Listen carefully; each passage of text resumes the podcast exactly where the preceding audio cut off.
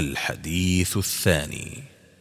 عن ابن عباس رضي الله عنهما أن رسول الله صلى الله عليه وسلم مر بوادي الأزرق فقال أي واد هذا؟